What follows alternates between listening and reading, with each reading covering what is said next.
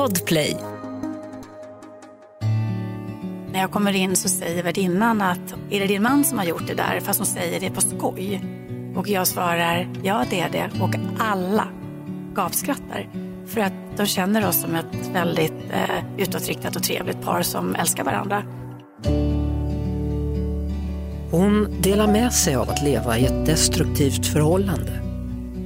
Att inte bli trodd och att orka ta sig an vägen till ett värdigt liv. Vem snackar jag med? Jo, tv-producenten och författaren Jessica McDowell.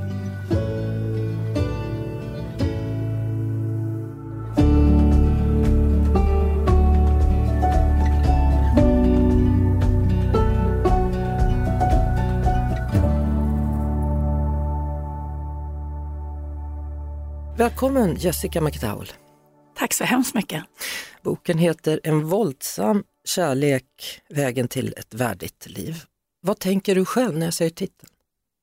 Att idag känns det bra.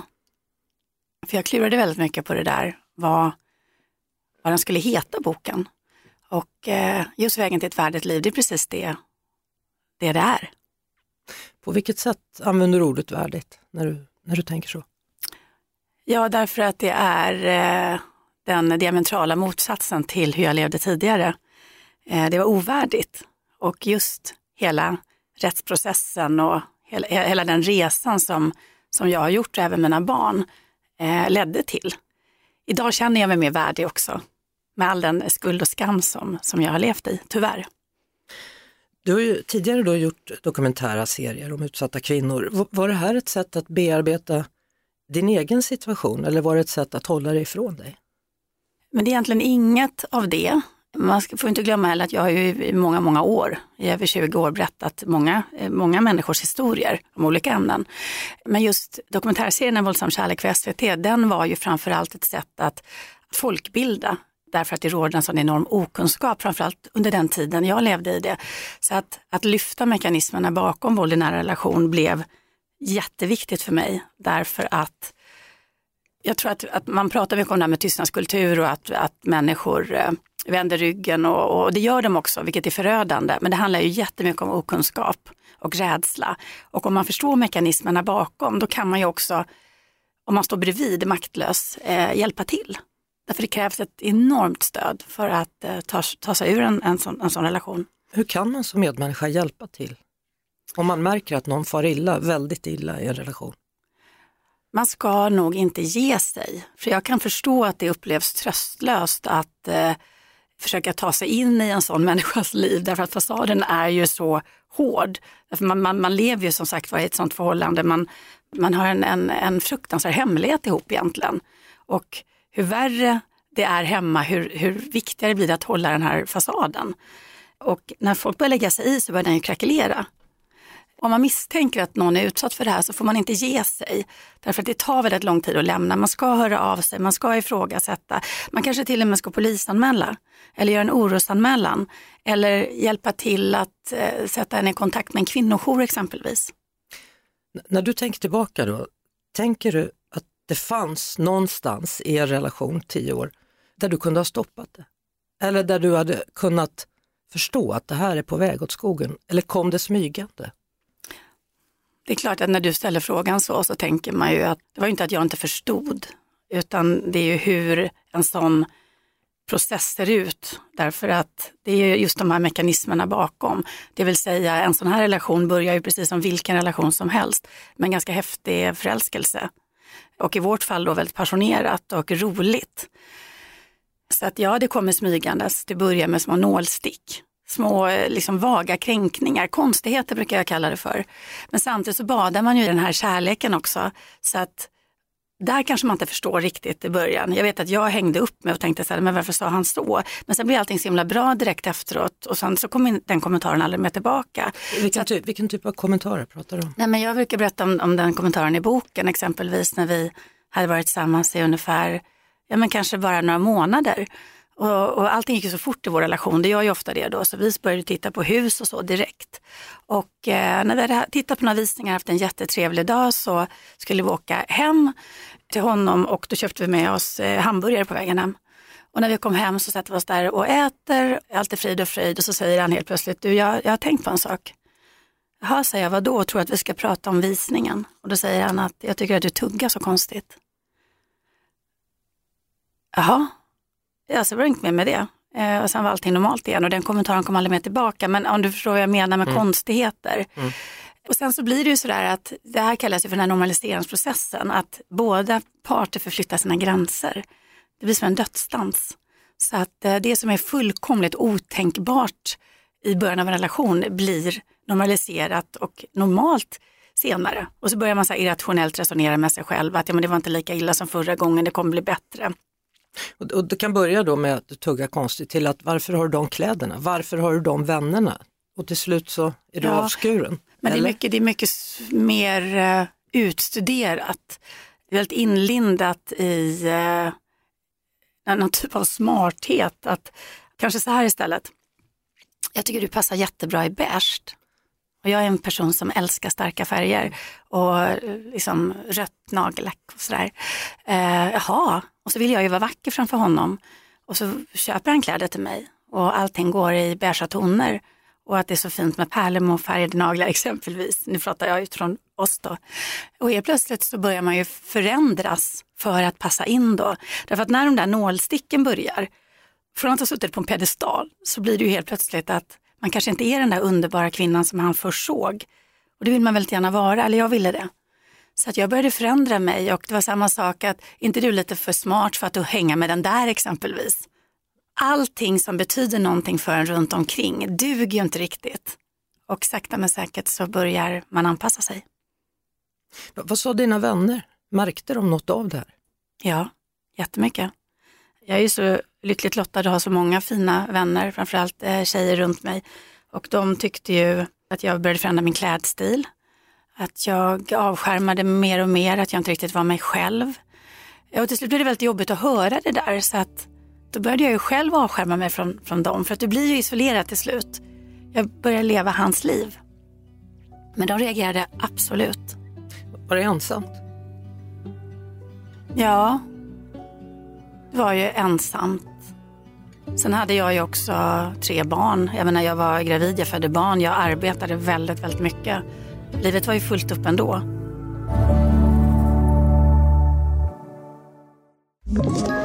Ett poddtips från Podplay.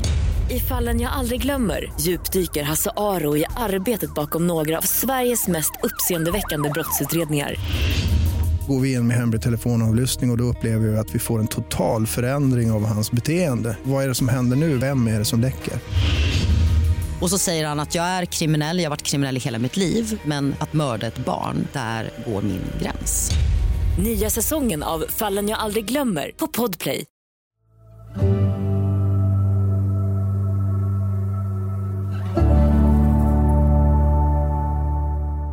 Det vanligaste som jag tycker människor brukar säga är, men varför gick du inte därifrån?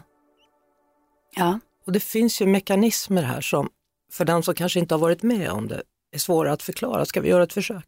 Eller vill ja. du göra ett försök? Ja, och, och, det var ju det som jag var inne på innan, att allting börjar ju som vilken kärlekshistoria som helst med en, med en förälskelse. Sen så smyger då det här våldet på, vilket gör att, du, att båda parter förflyttar sina gränser och eh, till slut så blir det psykiska och även sen det fysiska våldet normaliserat. Och man lever på någon typ av hopp också därför att allting är ju inte ett helvete hela tiden. Man får inte glömma det utan vi var ju två funktionsdugliga människor som arbetade och, och var hela och rena. Eh, så att vi hade ju så mycket bra också. Varje gång vi hade det så tänkte jag att nu kommer det aldrig hända igen. Och sen då utöver det, det är ju svårt i vilken skilsmässa som helst. Man har eh, barn tillsammans, man har huslån, ett socialt umgänge då, i vårt fall framförallt hans vänner. Du har familj och jag hade väldigt mycket skam. Jag skämdes väldigt mycket över, även inför mig själv, att jag stod ut med de här grejerna. Så det är det du menar med mot ett värdigare liv? Ja. Det är klart att jag visste att det, att det var fel att, att bli kränkt eller bli slagen. Men det är väldigt starka mekanismer. Men sen finns det en annan aspekt också, det är ju det här när du har gemensamma barn. Vi har en lagstiftning som gör att du som förälder kan ju inte bara ta barnen och dra. Och det är väldigt, väldigt få, framförallt mammor kanske, som lämnar kvar barnen hos förövaren. Så att du kan ju riskera att förlora dina barn, alltså förlora vårdnaden om du tar barnen och drar. Det är så många parametrar som... Eh... Mm. Sa han någonsin till dig att jag ångrar det jag gjorde? Nej, det, det, är så, det är så intressant att du ställer den frågan. Därför att jag, jag träffar ju så otroligt många människor som är utsatta för det här, både män och kvinnor, men framförallt kvinnor. Och jag hör ganska ofta att männen ligger och gråter i fosterställning och det ska aldrig hända igen. Och de är så enormt ånger, ångerfulla, men så blir det likadant igen i alla fall. Jag hörde aldrig det. Alltså under tio års tid, aldrig ett förlåt. Jag såg aldrig någon ånger, utan det var ju alltid jag som fick be om ursäkt. Vilket jag gjorde också, därför att om jag inte, om jag inte gjorde det så kunde vi inte ha ett normalt vardagsliv. Det funkar inte med, med, med familjen. Eh, hämta, lämna, eh, man skulle på någon middag på helgen eller vad det än var, barnkalas. Utan eh, jag fick reparera det där som hade hänt för att vi skulle kunna leva. Och sen en annan grej då som, som drabbade mig hårt, att du kunde också tänka så här att om han skulle se vad han har gjort mig, det vill säga märken på kroppen, då kanske han får dåligt samvete och lämnar mig därför. Ja. Alltså det, det där är, det är väldigt flera, bakvänt. Det är jättebakvänt, det är svår, ja. svårt att förstå det. Vad, vad är det du säger? Hur, förklara för mig. Ja, jättesvårt. Och det är väldigt svårt att själv förstå det. Men så var det framförallt eh, första gången då. Eh, därför att eh, när jag såg hur jag såg ut så blev det precis där. Jag tog på mig en randig tröja, ett par snickarbrallor.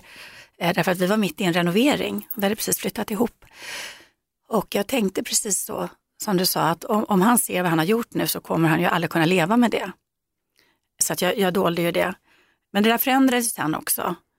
Nästa gång det hände så kanske jag inte dolde det lika mycket, men då tyckte jag så fruktansvärt synd om honom. För jag tänkte att jag måste hjälpa honom för att han är ju inte en sån här person. Han är ju en underbar människa också.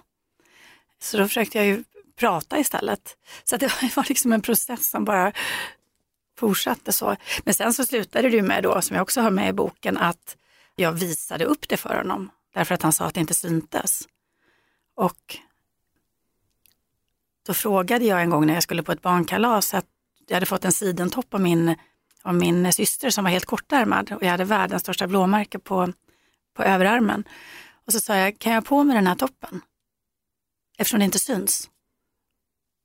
Och det märkliga var att han sa, ja, det kan du. Så jag åkte iväg på kalaset med den toppen på mig. Vad hände då? Det som hände var att jag kom in i köket till, och alla mammorna stod där. Och eh, när jag kommer in så säger värdinnan att oj, är det din man som har gjort det där? Fast hon säger det på skoj. Och jag svarar, ja det är det. Och alla gapskrattar. För att de känner oss som ett väldigt eh, utåtriktat och trevligt par som älskar varandra. Så jag har inget mer med det. Men sen så kom faktiskt hon hem till mig efter att eh, han var polisanmäld. Och så sa hon, jag minns barnkalaset. Om du vill så kan jag vara ditt vittne. Vad känner du i den situationen då? När alla bara skrattar då och ler och tycker att det var kul skämt.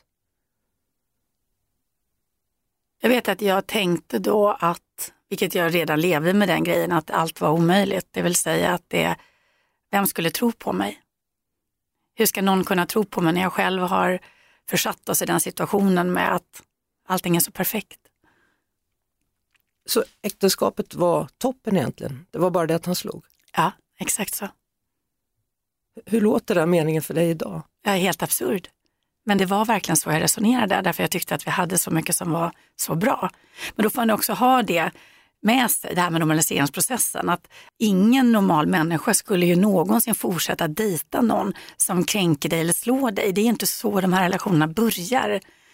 Du låses ju in i någonting till slut som är väldigt, väldigt komplicerat att ta sig ur. Dina kompisar försökte prata med dig ja. och, och frågade hur det stod till. Men det var inte alltid du öppnade upp om hur det verkligen var? Aldrig. Det kom med åren och det var ju framförallt arbetskamrater. Därför att i det samhället där vi levde, där var ju fasaden stenhård. Och eh, eh, Där hade vi ett ganska stort socialt umgänge. Men däremot på arbetet där man är varje dag och jag jobbar mycket, långa dagar och man reser med jobbet och sådär. Där såg ju folk, folk såg ju märken på min kropp. Och såklart reagerade jättehårt. Och det är också de, framförallt de som vittnade sen i rättegången, det är ju arbetskamrater och inte nära väninnor. Och till slut så berättade jag också, öppnade jag upp de eh, sista åren och berättade. Det är mycket med det här alltså. N- när du säger att det var våld i er relation, pratar vi om allt ifrån dra i håret, örfilar, vi pratar till riktigt grovt våld som du kunde ha dött av? jag tror att folk associerar dödligt våld till så här vapen och knivar och sånt. Eh, men de flesta dödsolyckor sker ju, alltså i hemmet sker ju att du kan trilla ner från en trappa eller du, du landar fel i ett element eller att du, som i mitt fall, blev inkastad i ett, i ett badkar med, med ryggraden mot en stor sekelskiftskran. Eh, eller nedkastad för en trappa eller indunkad i en vägg och sådär. Så att det är klart att, eh, att det är livsfarligt. Men, att bli indunkad i en vägg, det måste ju vara ett, ett fruktansvärt ursinne. Ja. Det är ett enormt ursinne och vrede upp- upplever jag. Och vad hade du gjort den gången? Sades det. Bara funnits? Ja, det är också så här intressant det där med vad hade du gjort? Vad, hade du sagt något dumt? Eh, nej, det, det är ju inte så det är, utan det spelar ingen roll hur mycket du försöker ändra dig eller hur mycket du försöker förbättra dig och anpassa dig, vilket man gör. Eh, därför att problemet ligger ju inte hos dig, den ligger ju hos den andra parten. Det handlar väl bara om att kanske att man inte tycker lika Om vad som helst om, om vad som helst. Du hade en hund också, Ja, ja, som du fick lämna bort. ja. Varför? Därför att hon stod väldigt nära mig. Jag upplever att alla personer som, som står nära en måste skäras bort på något sätt. Din familj, dina vänner, arbetskamrater som står nära, din hund, också min, min son då, jag hade en son från ett tidigare äktenskap, även hans pappa, alltså alla som stod mig nä- nära då. Men det var en enorm sorg, alltså det här med Lula då, som var, det var ju mitt första barn brukar jag säga. Hunden ja. Ja. ja. Eh, hon betyder oerhört mycket också för min äldsta son. Det är fortfarande så att det gör jätte, jätteont när jag tänker på henne. Att jag svek henne, för det gjorde jag ju. ja. Du kallar det för en dödsdans, sa du lite tidigare. Man hamnar i en dödsdans Ja, med, med den som misshandlar en. ja. Hur rädd var du då? Nej, men jag var jätterädd sista åren. Så var jag det. Jag blev det. Jag var rädd för, för, för min egen säkerhet, men jag var också för mina barn. Eller våra barn, därför att de mådde ju sämre och sämre. Allting blev livsfarligt. Eh, inte bara liksom för, för mig, men också för det hela sociala livet. Det vill säga att vi skulle avslöjas. Och det upplever jag ju att man liksom skyddar ju, det är så irrationellt och knäppt, men man skyddar ju hela hemmet. Alltså det är det här där jag pratar om den här enorma livslögnen man bär tillsammans. Därför utåt sett så var ju vi, så höll, höll vi ju den här eh, charaden. Ett framgångsrikt par som bodde i ett vackert hus. Ja, Men, men många där ni bodde, du får rätta mig om jag har fel nu, tyckte det var lite olämpligt att du skulle anmäla för att i så fall skulle din dåvarande make kanske förlora sitt jobb etc. ja. Så var det. Jag tror att, det, att det, lika många skulle ju aldrig tänka så idag. Det här är ju liksom fyra år innan metoo. Så att man hade en helt annan inställning. Men det var verkligen det jag möttes av. Kommer ihåg när det precis hade kommit ut och jag gick till förskolan för att hämta mitt yngsta barn. Och en av mammorna som jag, vi hade umgåtts jättemycket med, firat vända med midsommar och valborg och vi hade liksom umgåtts då ett tajt gäng. Hon bara satte upp handen mot mig på den här lekplatsen och sa stopp, kom inte närmare. Vi vill inte vara en del av det här. Och jag vet att jag, den här känslan jag hade liksom av ensamhet när jag åkte hem då med min, med, med min son till huset. För då markerade det väldigt kraftigt för mig att det här inte var, det var inte okej. Och jag tror det var bara strax efter det jag kom till ett barnkalas och det har jag också berättat om i boken när eh, en av mammorna som dessutom är jurist, verkligen förklarar för mig inför alla där att det är klart att vi förstår vad han har gjort. Eh, men, det, men du kan ju inte polisanmäla. Vad skulle hända med honom? Han kommer ju att förlora sitt jobb. Du kan inte göra så här mot barnen. Det är ändå deras pappa. Det var den inställningen som rådde där. Och sen så blev det ju eh, såna här följder som var väldigt jobbiga för barnen, det vill säga de var inte inbjudna på barnkalas, jag blev inte inbjuden på tjejmiddagar längre. Eh, jag minns att jag slutade tanka bilen där vi bodde. Jag åkte till, eh, inte stan och tankade. Jag ville inte möta människor längre för att de, de, de spädde på den här skammen så mycket. Och sen flyttade vi därifrån. Mm. Jag flyttade in till stan med barnen. Och det var en befrielse. V vad är det som slutligen får dig att bestämma dig för att jag måste härifrån, jag måste ur den här relationen? Eh, det var för, för, absolut för att mina barn mådde, mådde sämre och sämre och att även så började en av barnen att prata på förskolan. Så att jag blev ifrågasatt av en, eh, en pedagog på förskolan och även eh, andra människor som hade hört då. Eh, men sen var det ju att det blev grövre och grövre, det blev farligt. Och sen så fick jag väldigt mycket stöd av min advokat. Därför att när jag träffade henne så sa jag ju till henne att jag absolut inte ville polisanmäla. Det fanns inte i min värld att jag skulle polisanmäla, jag ville bara skilja mig. Men jag ville ha hjälp att skilja mig.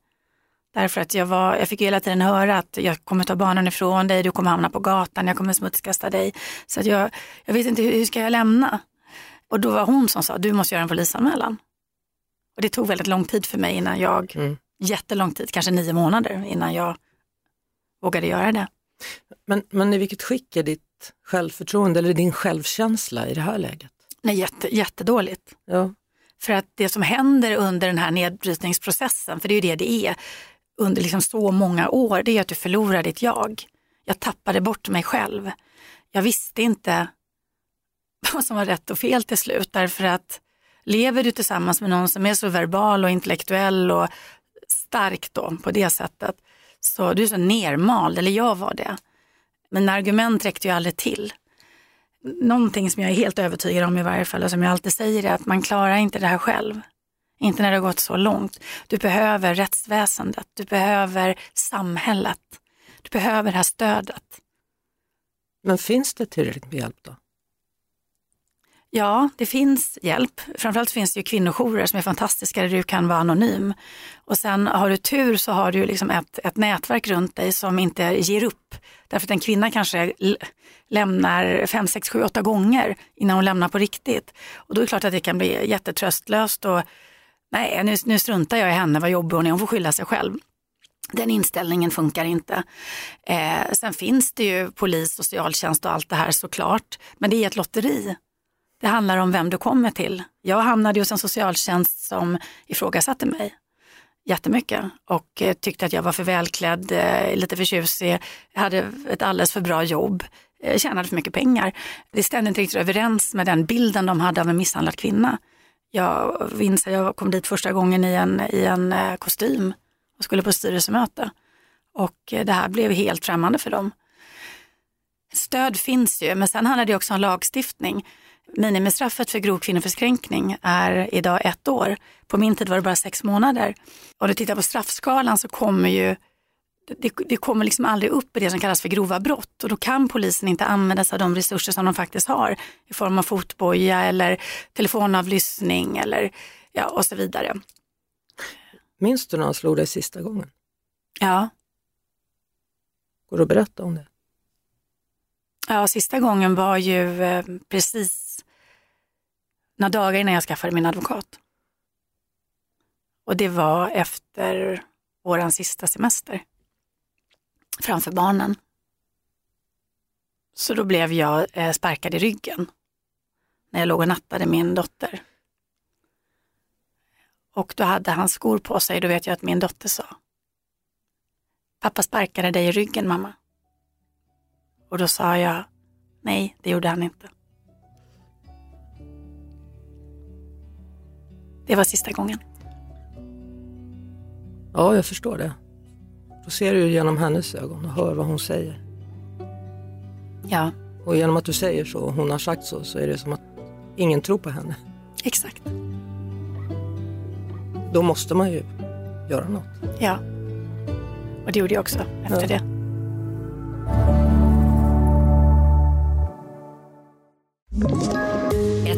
Poddtips från Podplay.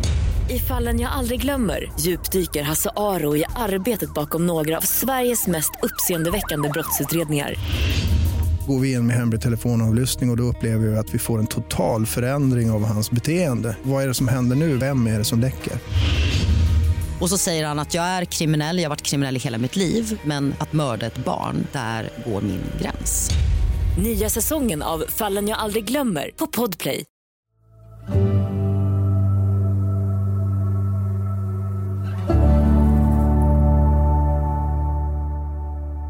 Det fanns någon gång när du hörde av dig till din mamma eh, och berättade.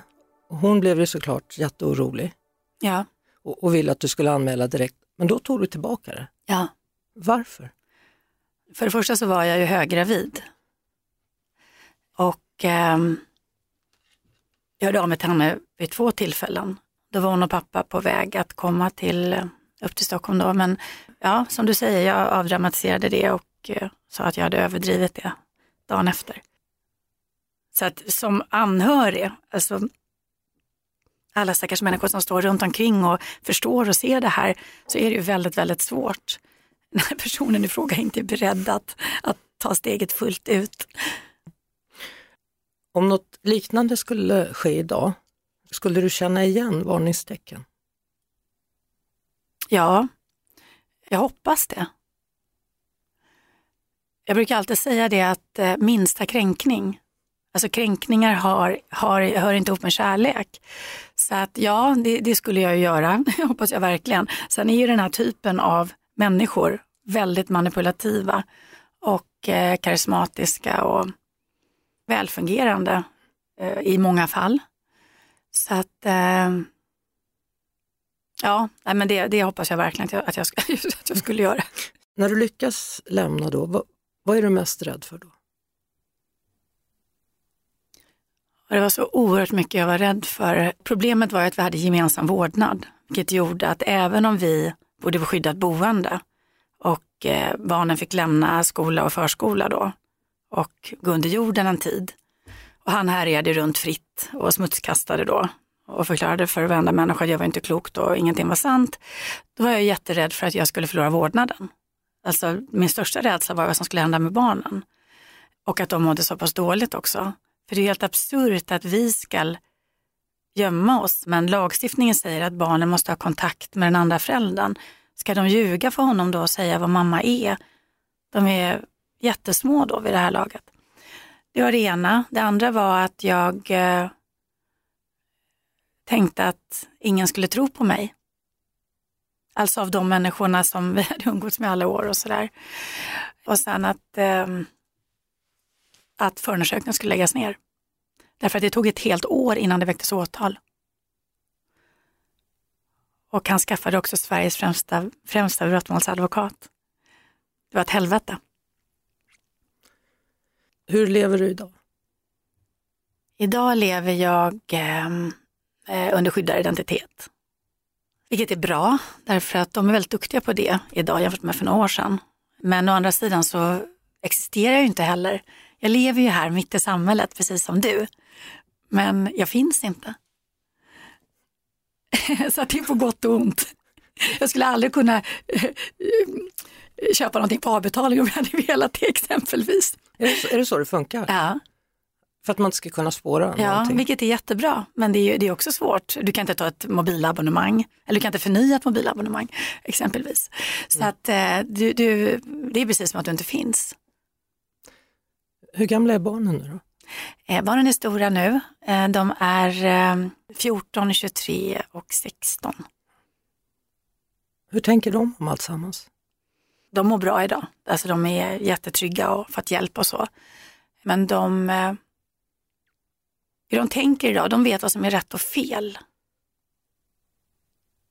Vilket är väldigt, väldigt bra. Men det är klart att, eh, att det finns dagar när inte det är enkelt heller. Är det det som också gör väldigt ont för dig, att, att dina barn fick vara med liksom, på den här förfärliga resan? Eller Det är ska det, kalla är det som gör ont. Det är det som gör ont. Ja, därför att vi pratar ju aldrig hemma om att någon ska förlåtas eller sådär, utan vi har ju otroligt starka band och pratar öppet om, om, om allting i livet. Eh, men jag själv har, bär ju det som en livslång skuld. Alltså jag kommer aldrig att komma över det. Att barnen fick leva i en sån dysfunktionell familj, framförallt min äldsta son då som fick leva i tio år.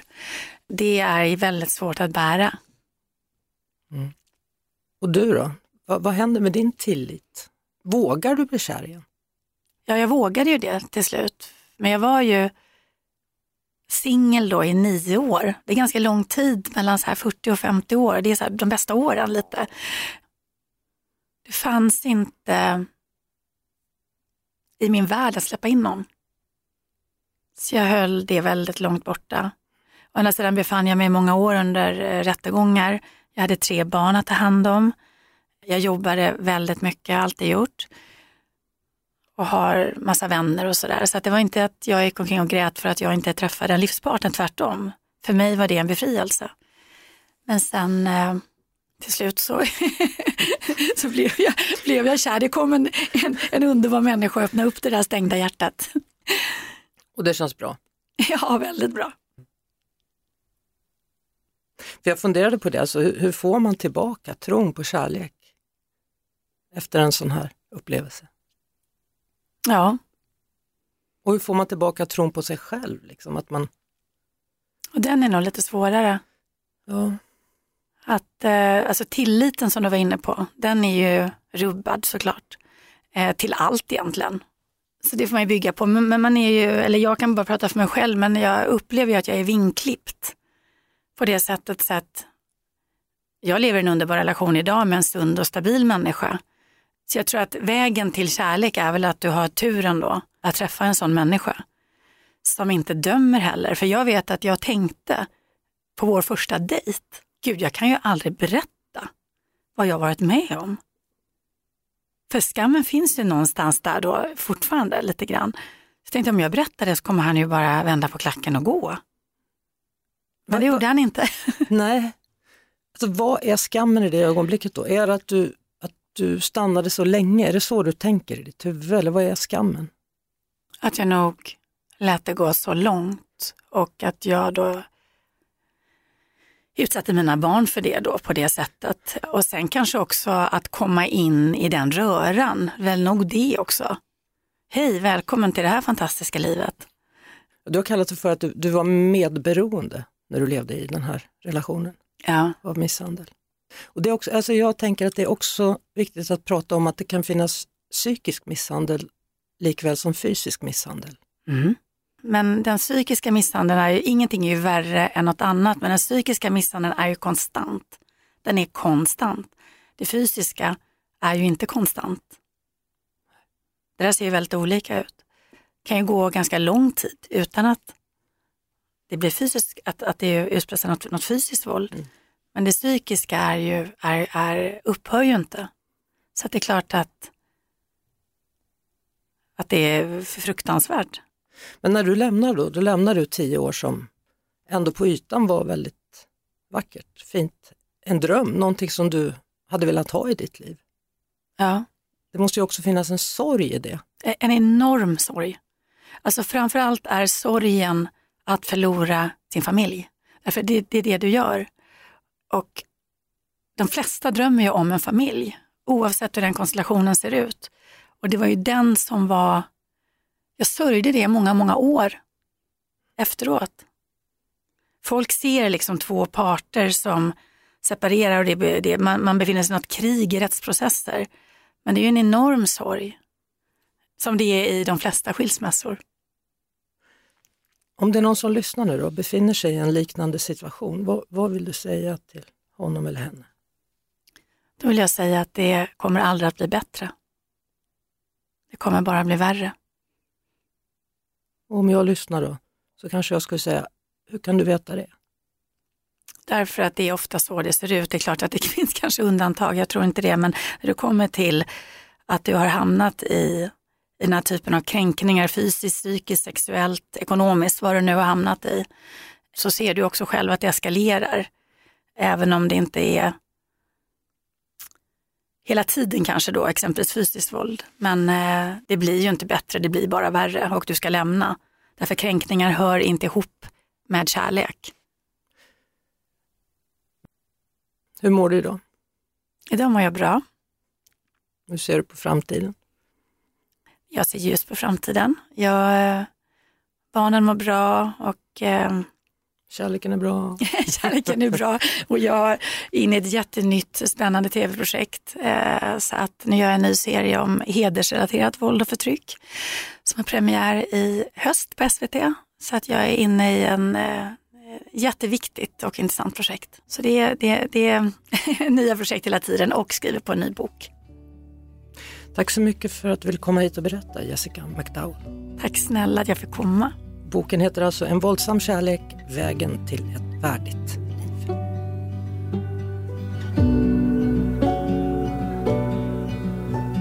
En uppmaning som är livsviktig. Uppmaningen att sluta hoppas och att be om hjälp. Det önskar jag att du som eventuellt lever i en destruktiv relation tar med dig från det här samtalet.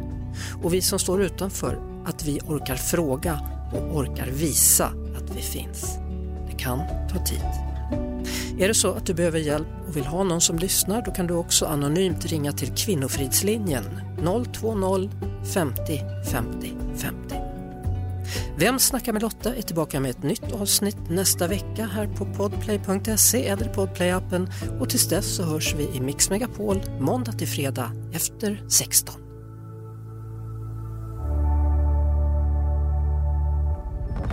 Podplay, en del av Power Media. Ett poddtips från Podplay. I fallen jag aldrig glömmer djupdyker Hasse Aro i arbetet bakom några av Sveriges mest uppseendeväckande brottsutredningar. Går vi in med hemlig telefonavlyssning och, och då upplever vi att vi får en total förändring av hans beteende. Vad är det som händer nu? Vem är det som läcker? Och så säger han att jag är kriminell, jag har varit kriminell i hela mitt liv men att mörda ett barn, där går min gräns. Nya säsongen av Fallen jag aldrig glömmer på Podplay.